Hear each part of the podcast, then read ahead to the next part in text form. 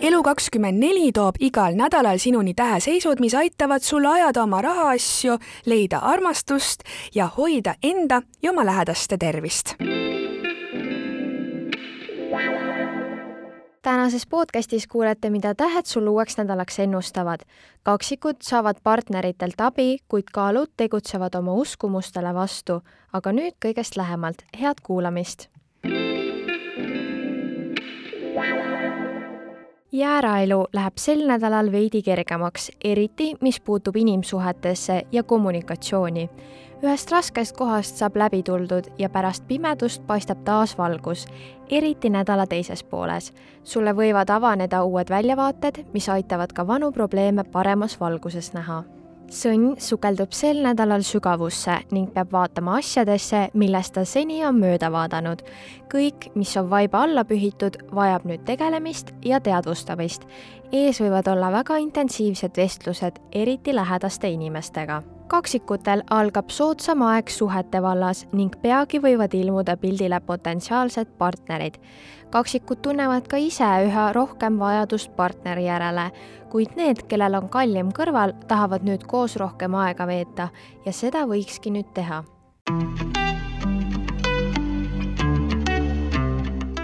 vähiromantiline meeleolu hakkab üle minema ja korraga tunned sa suuremat survet töö ning igapäevaelu vajadustega tegeleda.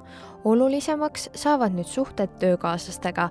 paraku võid sa muutuda sel nädalal ka enesekriitilisemaks.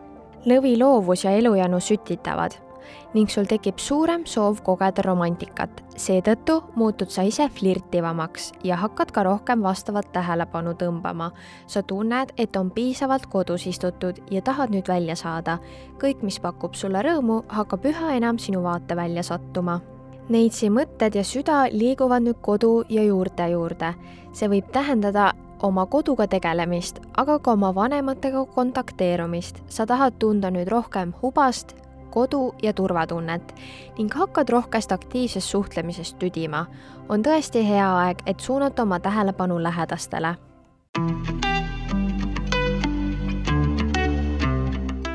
Kaalude elutempo hakkab ühelt poolt tõusma, ees on väga palju suhtlemist, eneseväljendust ja ka uusi kontakte tegu on pigem pealiskaudse ja kerge suhtlemisega. mõnel juhul paranevad suhted õdede ja vendadega või isegi naabritega. igapäevane liiklus saab hoogu juurde ja sa naudid seda. Skorpion hakkab tasapisi rambivalgusest välja pääsema ning tahab nüüd hoopiski oma elus rohkemat kindlust ja stabiilsust luua on hea aeg, et keskenduda majandusliku seisundi parandamisele. sa võiksid nüüd julgelt oma väärtused kehtestada ja kõike seda küsida, mille väärilisena sa end tunned hambur hakkab tasapisi justkui talveunest ärkama ning teised hakkavad sind hoopis enam märkama. mingil põhjusel toob see nädal sulle tähelepanu. on hea aeg, et midagi oma välimuses värskendada ja garderoobis muuta. liigu julgelt selle suunas, kes sa olla tahad. ka mõtlemine ja suhtlemine hakkab hoopis selgemaks muutuma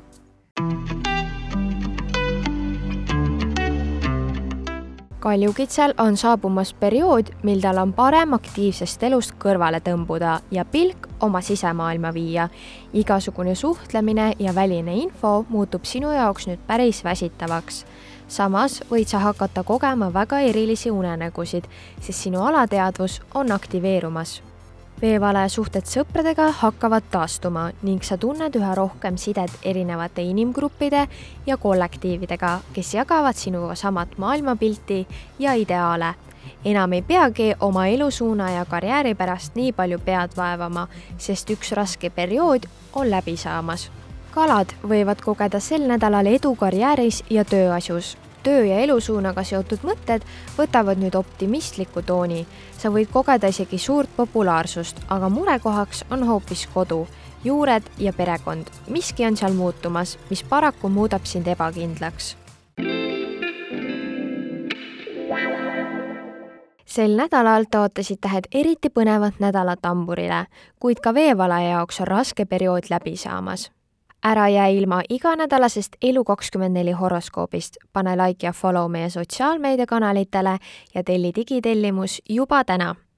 järgmine kord vaatame lähemale, mida toob novembri viimane nädal tähemärkidele. sa kuulasid Elu24 horoskoobi podcasti. suur aitäh sulle ja kohtumiseni nädala pärast